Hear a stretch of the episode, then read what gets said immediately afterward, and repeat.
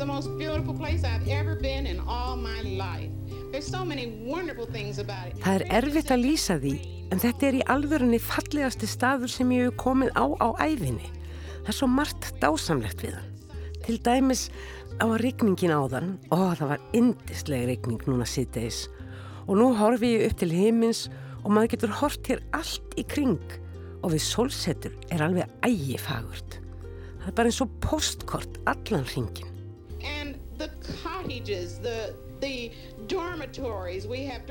Og kofarnir og sveppskálarnir.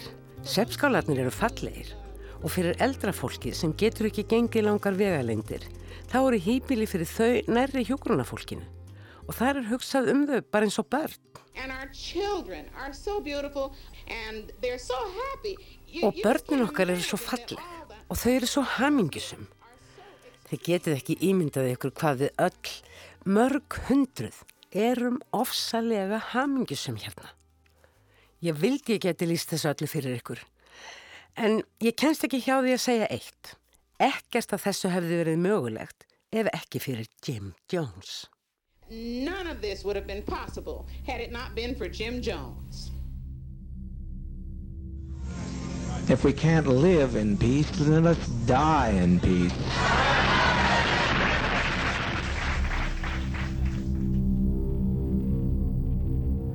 Ágæti hlustandi, nafn konunar sem við heyrðum í þarna í upphafi fylgir ekki sögunni því miður en hún var þarna einhver tíman árið 1978 að lýsa heimkynum sínum og félaga sinna í frumskógi Suður Ameríku þar sem bandarískur trúarsöfnur, People's Temple, var þá í óðaun að byggja upp eigið samfélag.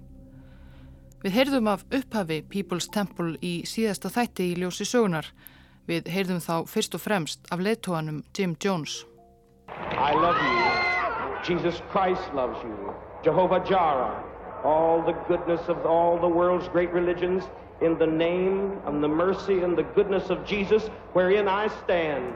Jim Jones var áhrifamikill predikari frá unga aldri, inblásinn ekki síst af kraftmiklum leðtógum blökkumanna kirkna en sjálfur var hann þó líklega ekki trúaður eins og við heyrðum heldur sannfærður sósialisti sem nýtti sér trúna til að ná til fólks og telja á sitt band og sósialismans en bóðskapur hans um félagslegt réttlæti og baráta gegn kynþáttafordómum, hans eigin umtalsverðu personutöfrar og samfæringakraftur, sviðsettar trúarleikningar, góðgerðastarf og samheldið samfélag í söpnuði hans, allt gerði þetta það verkum að fólk laðaðist að People's Temple og Jim Jones. Ekki síst svartir bandarækjaman.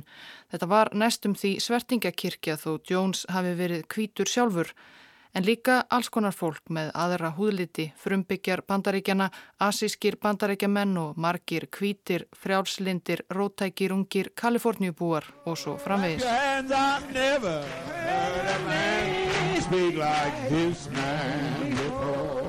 Áttundi áratugurinn var stormasamur tími fyrir People's Temple og leittóan Jim Jones. Kirkjan flutti höfustöðvar sínar til San Francisco. Nýjir fylgjendur streymdu inn og þó svo að söpnuðurinn teldi bara einhver þúsund þegar mest var, var þann einhvað síður að pólitísku afli í borginni og Jones að manni sem svo gott sem allir pólitíkusar á vinstrivægnum vildu komast í mjúkin hjá. Samt sem áður pretikaði Jones stöðugt og talaði um að miklar hættur stedjuðu að söpnuðunum, að stjórnvöld CIA, FBI og ymsir aðrir óvinnir væru á eftir honum og fylgjendum hans. Sapnaðar börnurðu að hafa varan á sér og vera við öllu búin. Það var þá sem hugmyndin fór að fæðast að flytja söpnuðin burt frá bandaríkunum, skapa sósialíst draumaland annar staðar, fjarrri, óvinnum og eftirliti. Við heyrðum einning af því síðasta þætti þegar Jim Jones byrtist sín um yfirvofandi kjarnorkustríð og samfærðist um að hann erði því að flytja söpnuð sinn til Brasilíu. Úr því varð aldrei, korki flutningnum nýja kjarnorkustríðinu, en í konunarleiðangri til Brasilíu kom Jones við í Guayana, smáríki á norðuströnd Suður Ameríku sem var bresk nýlenda fram til 1966. Hann glindi ekki Guayana, ekki þegar koma því að velja stað fyrir framtíðar land People's Temple. Í Gvæjana voru þá sósialistar við stjórnvölin, landið var heppilega staðsett, ekki of langt frá síðsta åtta bandaríkjana og þokk sé nýlendusögu sinni töluðu Gvæjana búar ensku. Aðrir staðir komu eiginlega aldrei til greina. Í desember 1973 lendi sendinemd frá People's Temple, Jones sjálfur fremstur í flokki, í Georgetown, höfuborg Gvæjana, til viðræðina um að leia þar landsvæði. Gvæjana, ný sjálfstætt og fátækt, tók konunum fagnandi. Samið var um að söpnuðurinn fengi að leia 3000 egrur í norðanverðu landinu til að byrja með. Landsvæðið var eins og meiri hluti alls lands í Gvæjana, þakkið þykkum skógi en hraustir landnemar People's Temple hófust handa við að riðja skó og leggja grunnina því sem Jones kallaði fyrirheitna landið en fólk í söpnuðinum nefndi auðvitað eftir sínum ástkæra leittóa og skýrði Jonestown.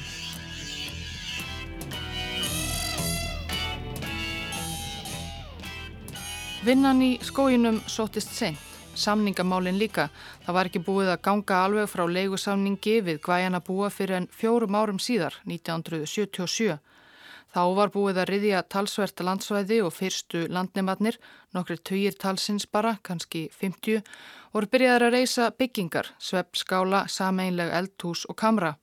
Þeir unnu sleitulöst við erfiðar aðstæður í torfæru landslægi, hita og raka og brennandi sól og í skógi þar sem leindust ymsar hættulegar skeppnur, snákar og skortýr. Jim Jones hafði samt komið við og við í heimsókn og verið hrifin.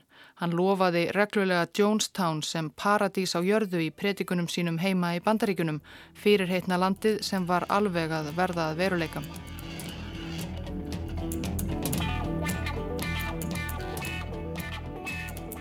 Um 1977 var Jim Jones líka orðin ansi valdamikill maður, ekki bara innan sapnaðar síns þar sem allir löftu upp hvert orð sem hann let út úr sér. Hann var forsvarsmaður, nokkuð fyrirferðamikillar kirkju og vinstrivægnum og letaði sér hveða. Hann þekkti alla helstu Kaliforníu politíkusa og þeir vildu þekkja hann, en aukinni fyrirferð fylgdi líka neikvæð aðtikli.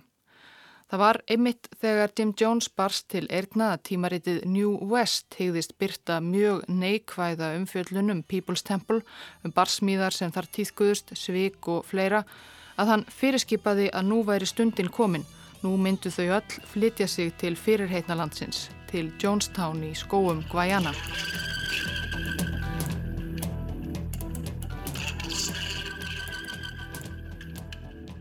Noodles, chow mein noodles sugar, seal, flour, rice, black-eyed peas. Á myndbandsupptöku sínir Jim Jones áhorfandanum búrið í Jonestown og allar þær allsknæktir sem þar er að finna. Nóa kveiti, hrísgrónum, bönum, keksi og gósi. What it ought to be. The American manners are nothing like these. Mm, mm, mm, Í öðru atriði smjattaran á eigin framleiðslu Jonestown ljúfengum banunum, miklu betri en þeir amerísku. Oh, we have row after row of these. Whole warehouse full. We even sell bananas now also because we're trying to make money. We need money so badly to... Þessi upptaka var gert til að senda heim til sapnaðarmanna í bandaríkunum til að kynna þeim gósen landið sem félagar þeirra voru að skapa og hvetja þá til að fylgja í fótspór þeirra. En þessi yfirferðu leittóhans gaf ekki alveg raunsanna mynd af ástandinu í Jonestown þá. Mörg hundru manns fluttu með Jones til Guayana eftir byrtingu neikvæðu greinarinnar í New West haustið 1977. Íbúfjöldin fór úr 50 upp í tæplega þúsund manns. Landnematnir sem fyrir voru voru alls ekki reyðubúnir að taka á móti svo mörgum á einu bretti. Það varð fljótt þröngt í sveppskálunum og stöðu örtröð á kömrunum og rektarlandið var alls ekki nót til að fæða mörg hundruð manns. Jones hafi talað um að byggja upp sjálfbært sósialíst samfélag en var strax að kaupa mikið af mat til að fæða alla. Það varð dýrara en Jones og félagar höfðu ímyndað sér. Til fjárublunar þurftu allir nýjir landnemar að ánafna nýlendunni allar eigur sínar og fjármunni. Lífeyriskreðslur elstu íbúana frá bandaríkunum fór beint í sjóði Jonestown. Þá var gengið hús úr húsi í Georgetown, höfuðborg Guayana og beðum framlög til safnaðarins. Borgarbúar voru flestir sárafátækir sjálfur en gjafmildir við gesti svo að einhverjir öyrar söpnuðust á þennan hátt. En reglan var fljótt að matarbyrðirnar voru skamtaðar numlega og það þrátt fyrir að sapnaðar menn veru margir settir í erfiðisvinnu við skóarhögg eða skálasmíði. Þeir nærðust aðalega á hrískrónum og ímiskonar grautum, það var lítið um kjött og annan munað.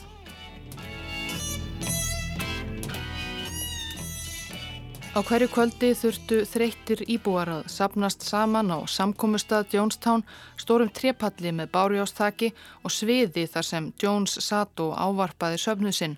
Hann var þarna eiginlega hættur að predika en hann hjælt langar einræður um uppbyggingastarfið, um sósialisma, saði fréttir utan úr heimi og talaði um óvinni sapnaðarins sem urðu sífælt fleiri. For the third time running someone has tried to poison my food. We have the sediments and we're going to study them under the microscope. Hann var heldur ekki lengur eins skýrmæltur og hann hafi verið ungur predikari því fyrir nokkrum árum hafi Jones tekið upp þann síð að neyta ímissa livja, amfetamíns til að halda sér vakandi við krefjandi sapnaðarstörf og róandi töflur til að ná sér niður aftur. Þetta hafi allt slæm áhrif á heilsu hans, hann var sívelti veikur og þurfti þá að taka einn meira af you.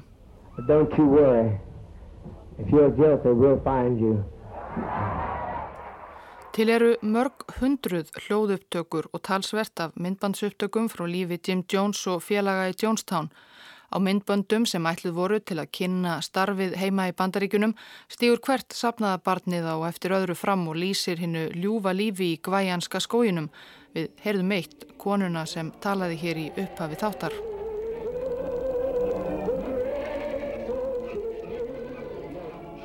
Kvöldfundunum þar sem Jones þurglaði laug svo jafnan á að söpnuðurinn söng þjóðsöng Sovjetríkjana. Flest sapnaða börn höfðu nú fyllt Jones svo lengi og voru svo gegnum sírð af bóðskap hans að þau virðast ekki hafa leitt hugan mikið að því að í kirkjunni sem þau höfðu gengið í á sínum tíma var nú lítið sem ekkert talað um Guð nema í afar niðrandi tón en þess meira um Marx, Lenin og Má.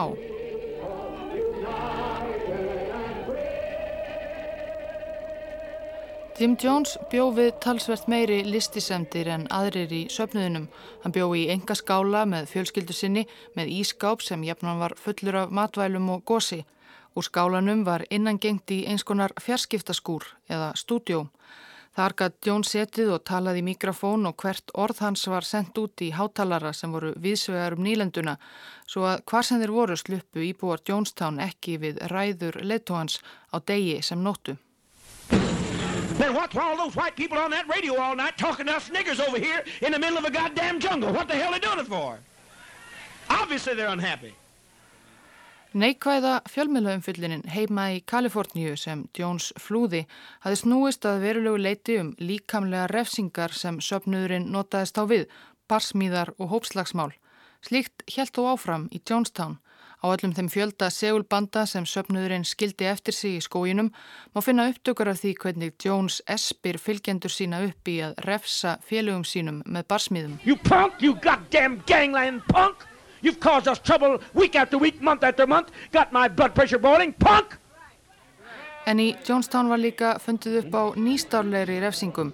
Til dæmis var algengt að brota menn Alvarlegir glæpir í Jonestown voru hlutir eins og að vera ofsetni fyrirlestur um sósælismann, sína leti við vinnu eða borgaralega tilburði af einhverju tægi, að brotamenn var látnir dúsa laungum stundum í lokuðum viðarkassa í líkistu stærð sem geimtur var ofan í djúbri hólu. Hit him in the balls, hit him in the balls, hit him.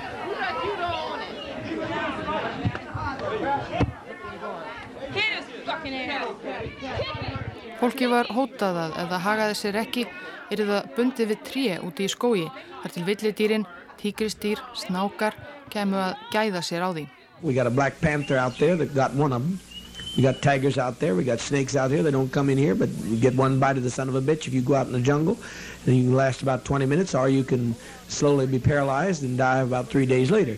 And there's tigers out there all around, you can see them at night, our guards see them all the time, and everybody else. Og ef fólk var ekki nógu hrætt við tíkristýr að gripið til örþrifaráðs að halda því upp dópuðu á róandi livjum dægin út og inn eins og uppvakningum. Þannig gætt fólk ekki verið til vandræða og alls ekki reynd að flýja. You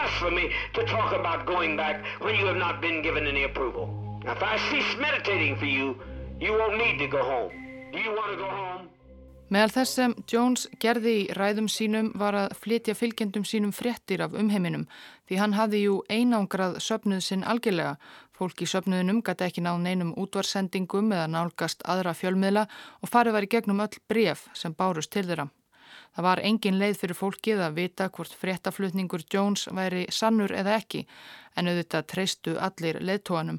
Jáfnvel þegar hann færði þeim falsfréttir um að kjarnorku stríð væri á næsta leiti og af uppgangi Ku Klux Klan í stórborgum bandaríkjana. The Ku Klux Klan is rising again. We, we saw it front page news here in the Los Angeles Times back in Indianapolis. Frá því snemma í sögu People's Temple hafði Jones farið mikinn um óvinni sapnaðarins sem hann hvað leynast í hverju horni, yfirleitt rasistar, andkommunistar og bandarísk yfirvöld. Lengst af var ekkert hæft í þessu. People's Temple var bara of ómerkilegur söpnuður til að eiga sér sérstaklega harða óvinni. En þegar komið var til Jonestown var Jim Jones reyndar búin að eignast kröftugan andstæðing. Í síðasta þætti saði frá Tim Stone, lögfræðingi sem gekk til liðs við People's Temple á samt konu sinni um 1969 og varð fljótt einn af líkilmönnum safnaðarins. Svo mjög var það náinn Jim Jones að hann baðan um að geta barn með Grace konu sinni í sinn stað og skrifaði undir samning þess efnis. Reyndar er hér rétt að barn Grace, drengurinn John Victor, kom undir þegar Jones svaf hjá henni eins og hann svaf hjá fjölda kvenna og karla í söpnuðu sínum og Korki Grace, nýja Tim Stone, voru sérlega sátt við að Jones teldi sig hafa fullt forræði yfir John Victor litla. Sumarið 1976 var Grace búin að fá sig fullsatta og saði skilið við People's Temple og maður hennar Tim ekki löngu síðar. En John, sonur þeirra, varð eftir og Jones sendi hann til Jonestown til að foreldra hans næðu ekki til hans. Heima í bandaríkunum réðust Tim og Grace Stone í baróttu fyrir domstólum fyrir drengnum en það var erfitt þegar barnið var í höndum Jones Erlendis.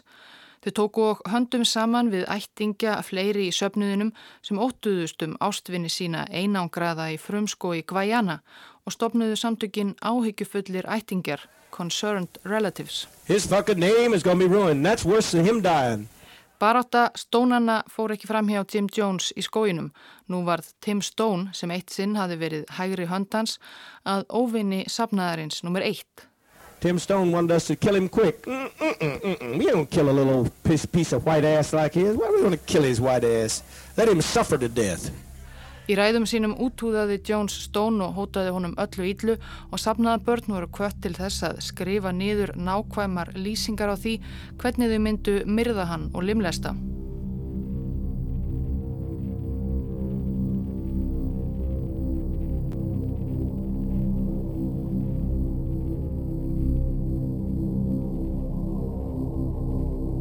Leo Ryan var óvennulegur stjórnmálamadur. Árið 1970 hafði hann sem demokrati á ríkistingi Kaliforníu látið stinga sér undir dullnefni í fangelsi í tíu daga til að reyna aðbúnað fanga í Kaliforníu á eigin skinni.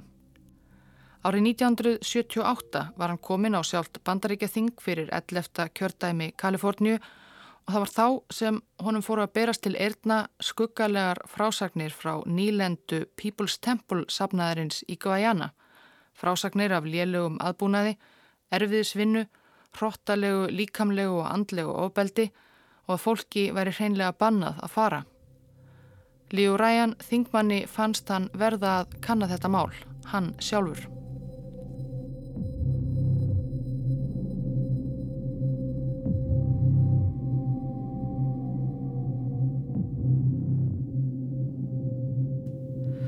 14. november 1978 laði þingmaðurinn Leo Ryan því af stað frá Washington áleiðist til Georgetown, höfuborkar Guayana.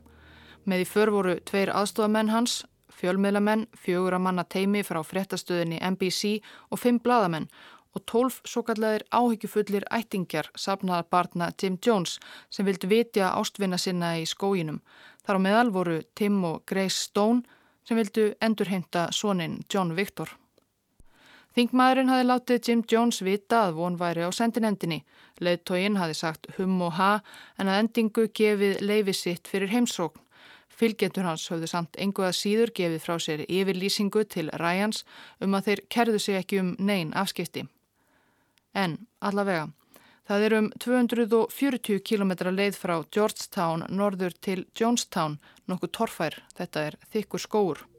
17. november var föruneyti Ryans komið á leiðarenda og við blasti skildi á ensku Velkomin til Jonestown, landbúnaðaverkefni People's Temple.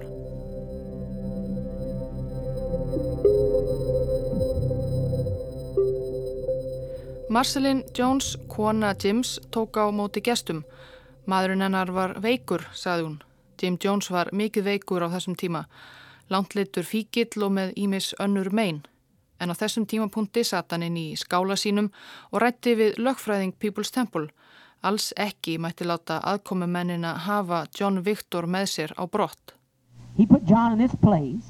John's my son. He has no right over John. Hell's fire. Hell's fire. Gestunum, þingmanninum, ástvinnunum og fréttamönnunum var meðan sagt að sapna saman á samkómustað nýlendunar pallinum með bárjónstakinu þar sem Jim Jones ávarpaði söpnuð sinn á kvöldin. Það var komið förstudagskvöld og söpnuðurinn í Jonestown setti upp kvöldskemtun þingmanninum og hinnum gestunum til heiðurs.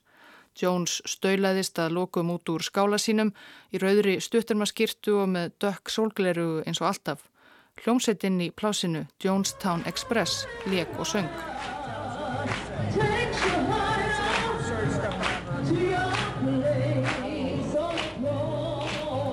Það var steiktur kjúklingur á bóðstólum, mjög sjálfsíður luxusmandur í Jonestown en gestinnir vissu það auðvitað ekki.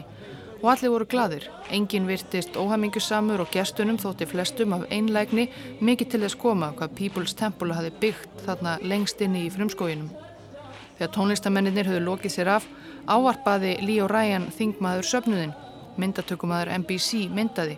Þingmaðurinn virtist innilega hrifin very glad to be here. This is a congressional inquiry, and I think that all of you know that I'm here to find out more about uh, questions that have been raised about your operation here. But I can tell you right now that from the few conversations I've had with some of the folks here already this evening, that uh, whatever the comments are, there are some people here who believe that this is the best thing that ever happened in their whole life.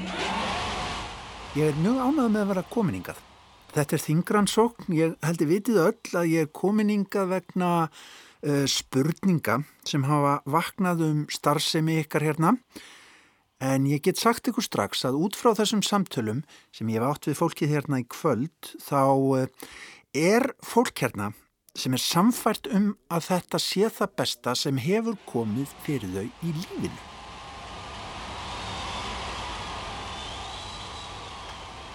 Þingmaðurinn uppskar dinjandi lofatak og söpnuðurinn reys úr sætum.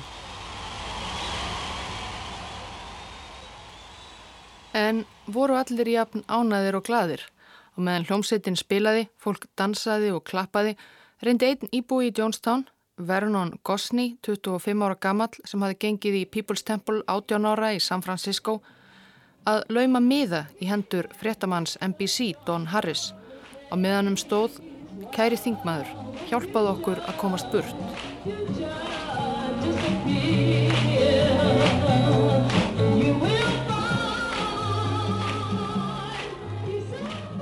Tim Jones hafi verið upptekinn af dauðanum frá barsaldri. Dauðin var ekki fyrirferða mikill í pretikunum hans og ræðum fyrstu árin en þegar á leið fór hann að minnast á það af og til, dauðan og sjálfsmorð. Einu sinni þegar miðpunktur People's Temple var enni í San Francisco bóðaði hann stjórnsapnaðarins á fund og bauði på vín. Það var ofennulegt, Jim Jones var ekki sérlega hrifin af áfengistrykju. Stjórnamennir drukku. Þá tilkynnti Jones að þetta hefði verið eitur og þau myndu öll deyja innan skams. Stjórnamennir sátu rólegir og heldu áfram að ræða sapnaðamálinn. Eftir nokkra stund sagði Jones svo að hann hefði verið að gappa þau. Ekkert eitur. Þetta hefði bara verið prófraun en þau þyrtu að vera reyðubúin að deyja fyrir málstæðin.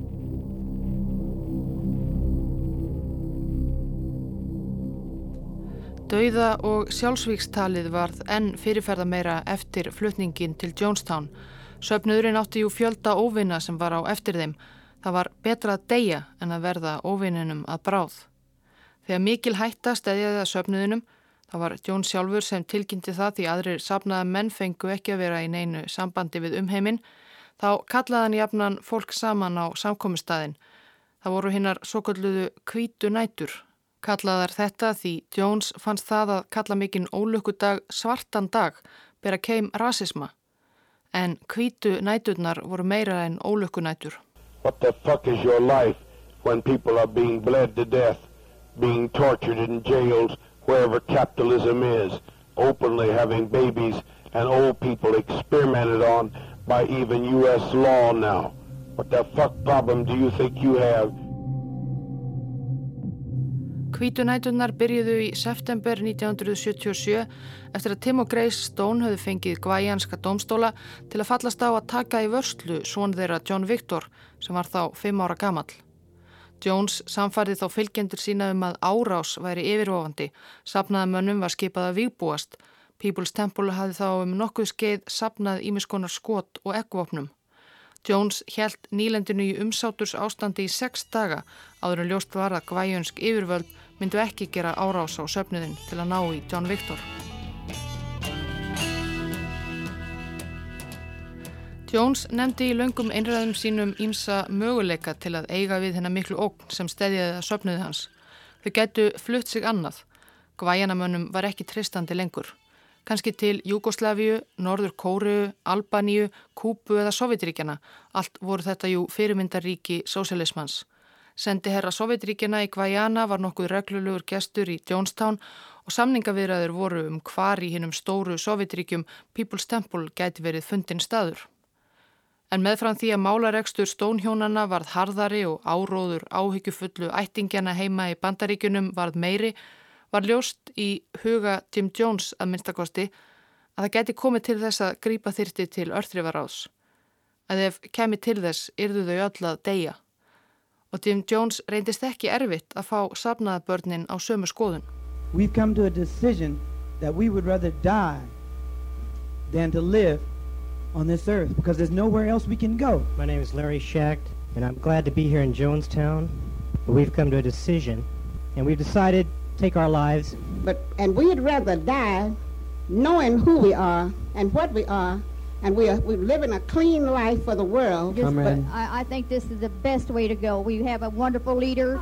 I do not want to leave Jonestown under any circumstances. I personally feel that I want to die here in this place and no other place. Liðsmenn People's Temple í Jonestown lýsa því hér eina kvíta nóttina hvers vegna þau vilji deyja, frekar en að yfirgefa Jonestown, frekar en að svíkja málstæðin. My name is Bill Oliver and I'm a Marxist-Leninist. I made the decision to commit revolutionary suicide. My name is Valerie Jones and I will die because of the lack of concern of other countries, of people. My name is Diane Wilkerson. I'm 28 years old. And first of all, I'd like to let the world know that to live in America is a curse, and especially if you're black. My name is Leanne Harris, and I feel I want to die. Aðfaranótt 18. november 1978 eftir kvöldvökunna á samkominnstaðanum löðust Líó Ræjan þingmaður og förunetti hans til sveps. Morgunin eftir var sólríkur til að byrja með. Are you happy here? Oh, I should say I am. I've never been any happier in my life. Íbúar lístu því einn af öðrum í viðtölum við fréttamenn NBC hversu hamingjusum þau væru í Jonestown og auðvitað vildu þau ekki fara það. En svo fór að rigna. Það helli ringdi og þá letu nokkrir það vissulega í ljós við fjölmiðlamennina og þingmannin að þau vildu fara með þeim heim til bandaríkjana og sögðust vera fangar í Jonestown. Now do I both understand you to say that you both want to leave Jonestown on this date, November 18, 1978? Yeah. Tim Jones kominn á fætur enn í rauðu skýrtunni og með svörtu sólglerugun auðvita sagði þetta allt vera eintómar legar í viðtali við NBC. Would concern you, though, that, that this man, for whatever reason, one of the people in your group... People play games, friend. They lie, they lie. What can I do about lies? Are you people going to leave us? I just beg you, please leave us. Og hver sem fara vildi mætti fara, sagðan. Það helt áfram að rigna og ringulreið greip um sig í Jonestown. Fleiri vildu fylgja Ryan Þingmanni og fréttamönunum burt. You bring those kids back here! You, you bring them back! Don't you touch my kids! Allt í einu í mannþögunni á samkominnstaðnum stökk einhver á Þingmannin. Hann var með hníf. Don't you touch my kids! Mother! Wait, wait, wait, wait, wait, wait, no! Þingmaðurinn slapp með skrámu, árásamæðurinn lippaðist niður, en það var ljóst að gestirnir yrðu að haska sér burt, það stemdi í óefni. Þingmaðurinn, aðstofamenn hans, fjölmeilafólkið, ættingjarnir og flottamennir rauðu sér upp í vörubíl og ógó á burt. Um það bíl sem bílinn kvarf sjónum hljómaði Bjallan sem á hverju kvöldi bóðaði söpnuðin á hinn daglega fund með leittóanum. Fólk líti því alltaf og gekk sem leið lág á samkomistæðin.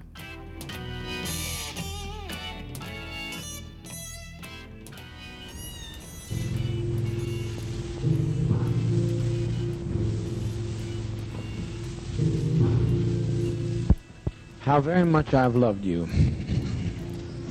how very much I've tried my best to give you the good life. Mm.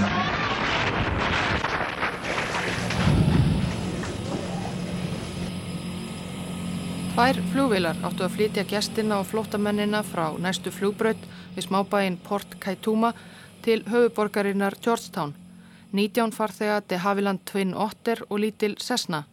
Klukkan var orðin 5 sítegis þegar vélarnar lendu í Port Kaituma. Þingmaðurinn og fleiri voru um það bilað stíga um borði í de Haviland vélina þegar traktor með kerru kom keirandi á fullri ferð og af honum stukku menn með bissur. Rauða herdeildin voruðu kölluð Öryggisveit People's Temple í Jonestown. Myndatökumæður NBC var með tökuvélina í gangi þegar þeir byrjuðu að skjóta.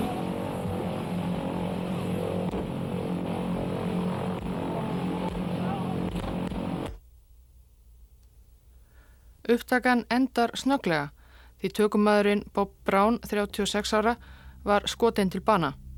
Ásantónum létust samstundis fréttamaðurinn Don Harris, Greg Robinson, ljósmyndar í San Francisco Examiner, Patricia Parks, flóttakona frá People's Temple og Leo Ryan, þingmaður fyrir 11. kjördæmi Kaliforníu.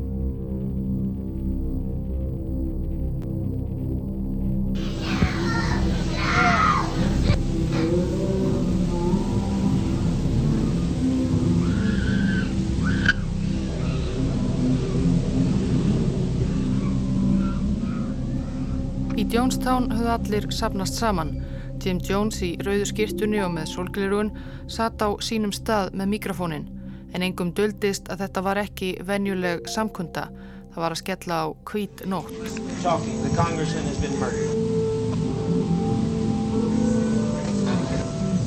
Talking,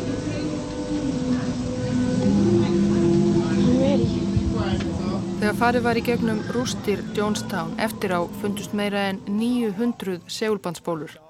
Jones tók upp hverja ræðu sína og ímislegt annað líka. Af þessum meira en 900 spólum sem allar hafa verið rannsakaðar og flokkaðar af allríkis lauruglunni FBI er einn sem öðlast hefur sérstatt allræmi. Hún er svo síðasta og kölluð Dauðaspólan Því Jones hikaði ekki við að kveikja á upptökutækinu líka þegar hann vissi að þetta er því síðasta kvöld hans og safnaðabarna hans á lífi.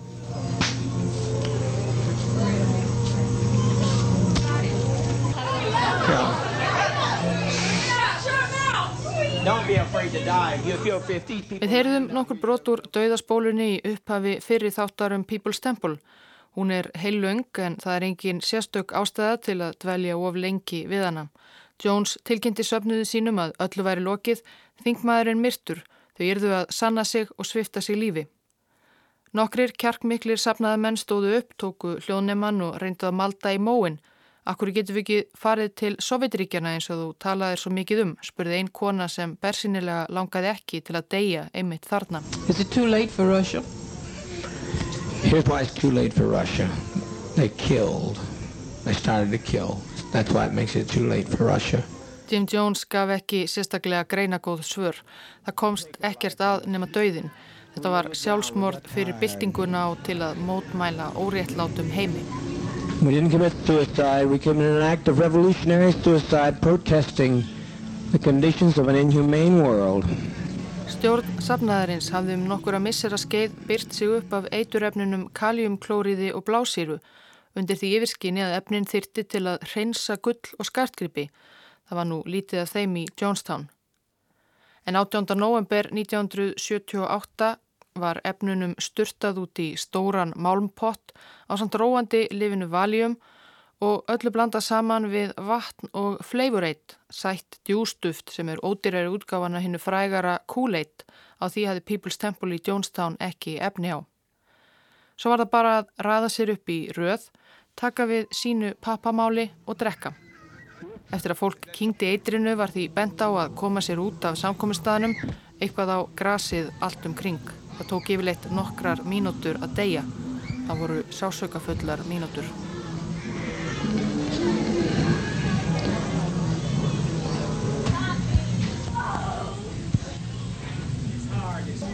Börn sem ekki voru nógu stór til að drekka eitrið sjálf voru spröytuð niður. Á upptökunni heyrist grátur barna og öskur þeirra deyjandi. Til þeirra sem að finna þessa orðsendingu. Sapnið saman öllum segulböndunum, öllum brefunum, allri sögunni. Hermenn Gvæjanska hersins komu ekki á vettvang fyrir morgunin eftir. Það hafði spurst út um skotriðina á flugvellinum í Port Kaituma. Í morgun skímunni heldu hermennir að jörðin væri þakin trjátrömbum. Þegar þeir kveiktu á vasaljósum kom í ljós að það voru lík safnaðamanna um allt, kvarvetna, einmitt eins og hráfiði. Við erum stolt að hafa eitthvað að deyja fyrir. Við óttumst ekki döðan.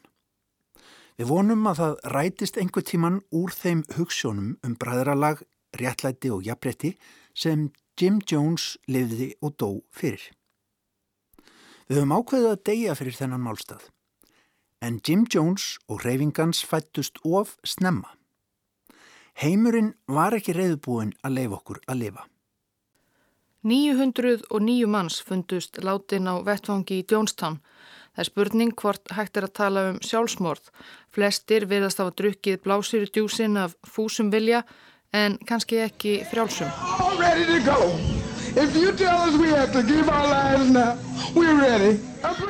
Einhverjir voru spröytaðir, ekki bara börnin sem voru um þriðjungur hinn að látnu. Gather in folks, it's easy. It's easy. Yes, my love. Tim Jones, 47 ára, fannst liggjandi innan um líkin með kotta undir höfði og skotvopn ekki langt frá. Hann skaut sig líklega sjálfur í höfuðið sem við yfirgefum þennan heim er kyrt. Heiminin er grár, fólk gengur hægt í röð og drekkur bitran drikkin. Fleiri eiga eftir að drekka. Örlög okkar. Það er leiðilegt að við gátum ekki látið ljós okkar skína í sannleika. Óskikt af djöblum aðstæðina og mistaka sem voru ekki af ásetningi handan ásetnings okkar. Við leit á vettvangi eftir að fundust öll segulböndin sem átti eftir að varpa einhverju ljósi á þessa hörmulegu atbyrði mesta mannfalli í bandarískri sögu fram til hriðuverka árásanna 11. september 2001 og það fundust líka nokkur kveðjubref safnaðamanna eins og þetta sem hér er lesið úr. Brefritari er að öllum líkindum Richard Tropp þá 36 ára.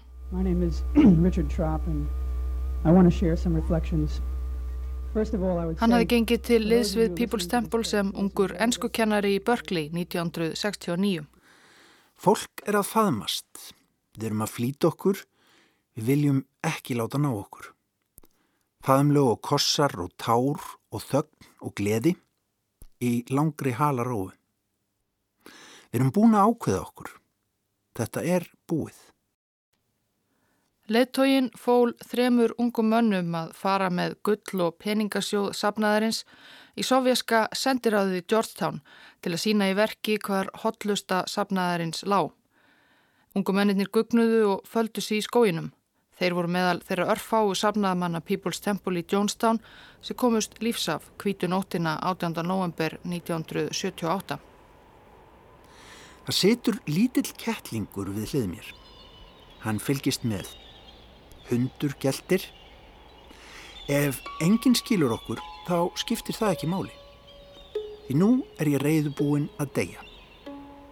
Myrkrið fellur yfir Jonestown á okkar síðasta degi á jörðinni.